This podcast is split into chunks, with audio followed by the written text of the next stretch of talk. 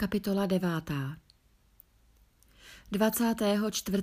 dne toho měsíce se Izraelci zhromáždili k postu v žíněných rouchách a s prstí na hlavě. Izraelovi potomci se oddělili ode všech cizinců. Stáli a vyznávali své hříchy i nepravosti svých otců. Povstávali ze svých míst – když četli čtyřikrát za den z knihy zákona hospodina, svého boha, a čtyřikrát se vyznávali a klanili hospodinu, svému bohu. Na výstupek pro levity se postavili Ješua a Baný, Kadmiel, Šebaniáš, Buný, Šerebiáš, Baný, Kenaný a velmi hlasitě úpěli k hospodinu, svému bohu.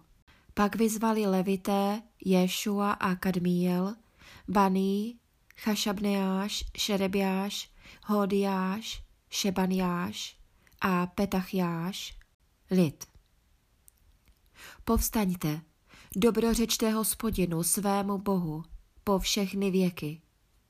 Ať dobrořečí tvému slavnému jménu, vyvýšenému nad každé dobrořečení a chválu ty, hospodine, jsi ten jediný, ty jsi učinil nebe, nebesa nebes a všechen jejich zástup, zemi i vše, co je na ní, moře i vše, co je v nich.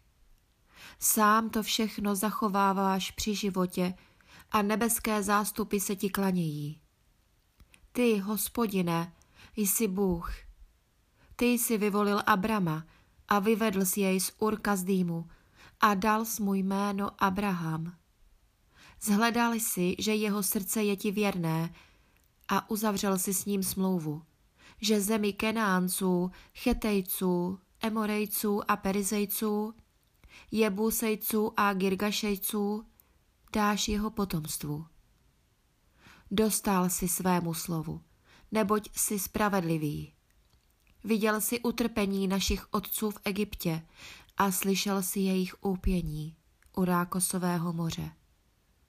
I učinil si znamení a zázraky proti faraonovi a proti všem jeho služebníkům i proti všemu lidu jeho země, protože jsi poznal, jak se nad nimi spupně vyvyšovali.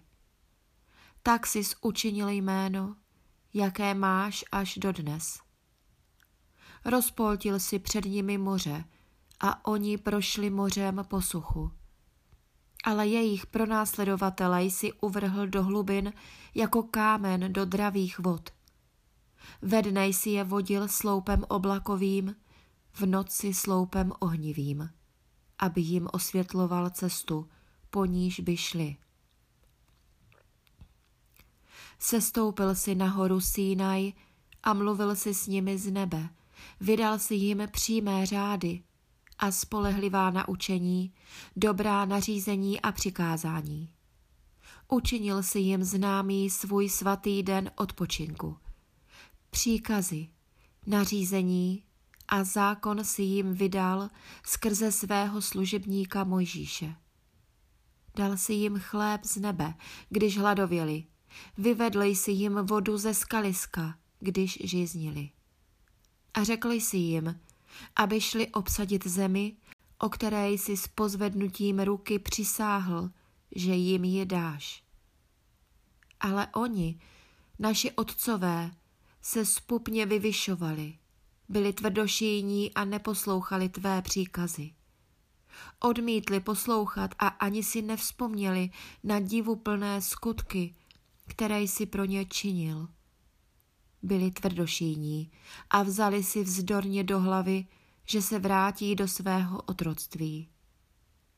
Ty jsi však Bůh ochotný odpouštět, milostivý a soucitný, zhovývavý a nesmírně milosedný.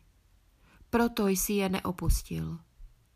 Dokonce si odlili sochu bíčka a řekli, to je tvůj Bůh, který tě vyvedl z Egypta dopustili se strašného rouhání. Avšak ty si je v nesmírném slitování na poušti neopustil, Ve dne od nich neodcházel sloup oblakový, který je vodil po cestě, a v noci sloup ohnivý, který jim osvětloval cestu, po níž by šli. Rozmnožil si jejich syny jako hvězdy nebeské.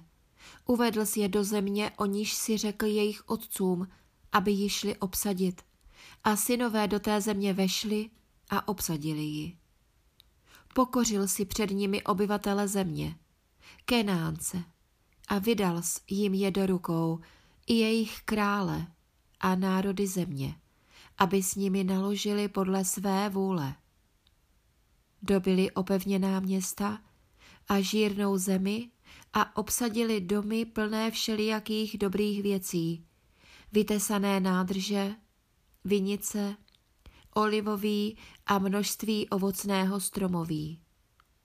Jedli a nasytili se, stučněli a žili v rozkoši z tvé veliké dobroty.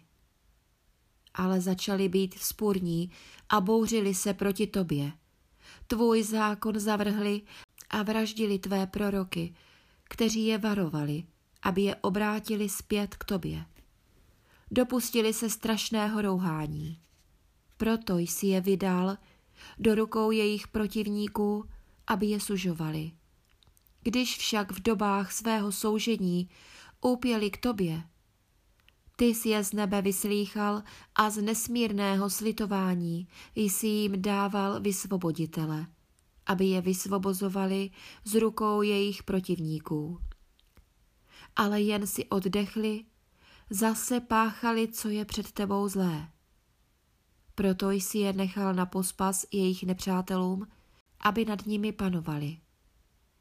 Když však opět k tobě úpěli, ty jsi je z nebe vyslýchal a ve svém slitování je nesčetněkrát zachraňoval. Dával si jim výstrahu, aby si je přivedl zpět ke svému zákonu. Oni se však spupně vyvyšovali, neposlouchali tvé příkazy a prohřešovali se proti tvým řádům, které dávají život tomu, kdo se jimi řídí. Umíněně se obraceli zády, byli tvrdošíní a neposlouchali. Měl si s nimi trpělivost po mnohá léta. Skrze své proroky jsi jim dával výstrahu svým duchem, ale neposlouchali. Proto jsi je vydal do rukou národů cizích zemí, ale z nesmírného slitování jsi s nimi neskoncoval a neopustil si je, protože jsi Bůh milostivý a soucitný. Nyní tedy náš Bože, Bože veliký, mocný a budící bázeň, který zachováváš smlouvu a milosrdenství, nepokládej za málo všechny ty útrapy, které dolehly na nás, na naše krále, předáky, kněze a proroky na naše otce a na všechen tvůj lid od doby asyrských králů až do dnes. Ty jsi spravedlivý ve všem, co na nás přišlo, neboť si jednal věrně, kdežto my jsme si počínali své volně. Naši králové, předáci, kněží a otcové se neřídili tvým zákonem, nedbali na tvá přikázání a na tvá svědectví, kterými jsi je varoval. Ve svém království, přes tvoji mnohou dobrotu, kterou jsi jim prokazoval, v širé a žírné zemi, kterou jsi jim dal, nesloužili tobě a neodvrátili se od svých zlých skutků. Proto jsme dnes otroky.